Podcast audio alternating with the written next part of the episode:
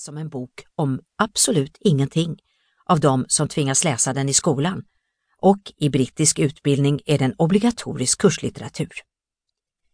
Men Miss Jean Brodie är snarare en nästan anatomisk konstruktion där flickorna i Brodies gäng utgör olika delar av en och samma kropp. Representanter för alla sidor av en människas, kvinnas komplexitet.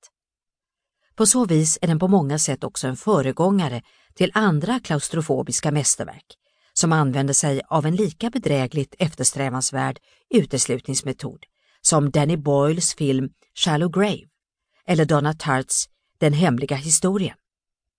They fuck you up, your mom and dad. They may not mean to, but they do. They fill you with the thoughts they had and add some extra just for you. Ur This Be The Verse av Philip Larkin. Jag vet, mer Larkin. Men de raderna skulle lika gärna kunna handla om lärarna som följer oss under vår skolgång. Dessutom har vi nog alla en lärare, en föreläsare från vår uppväxt som formade oss till den vi blev. Den där som man aldrig glömmer och som man kanske, kanske borde skicka tackor till. Eller för den delen, den lärare som man ägnar resten av sitt liv åt att försöka överbevisa eller ta någon sorts missriktad revansch på. Men glömmer man henne eller honom? Det gör man inte. Ty, för att även citera de sista raderna av den Larkin-dikt som inledde den här introduktionen. So life was never better than in 1963, though just too late for me, between the end of the Chatterley Ban and the Beatles first LP. Ur Annus Mirabilis av Philip Larkin. Andres Locco. 1. När pojkarna pratade med flickorna i Marsha Blaines skola stod de på andra sidan om sina cyklar och höll i handtagen, vilket skapade ett skyddande staket av cyklar mellan könen och ett intryck av att pojkarna vilket ögonblick som helst troligen skulle vara borta.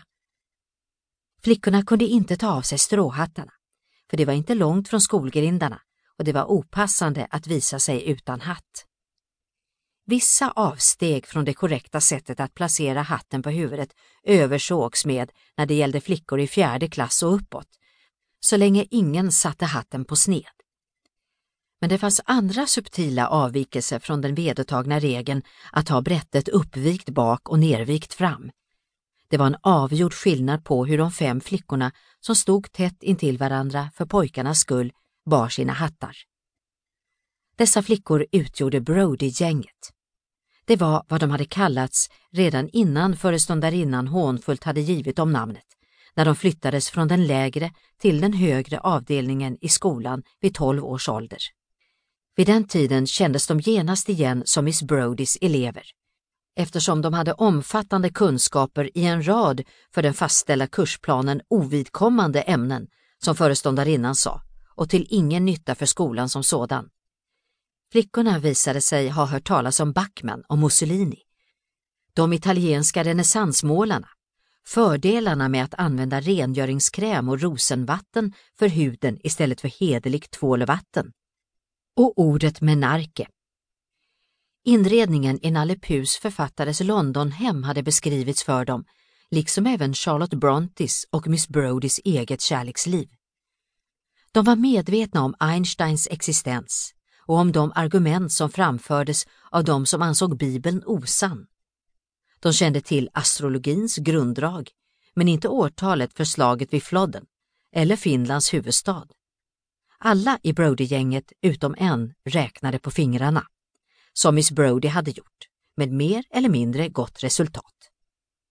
När de nu i 16-årsåldern hade kommit upp i fjärde klass och stod och hängde utanför grindarna efter skoltid och hade anpassat sig till den rådande disciplinen förblev de i alla fall omisskännligen Brody-elever och var alla välkända i skolan, vilket betydde att de betraktades med misstänksamhet och utan större sympati.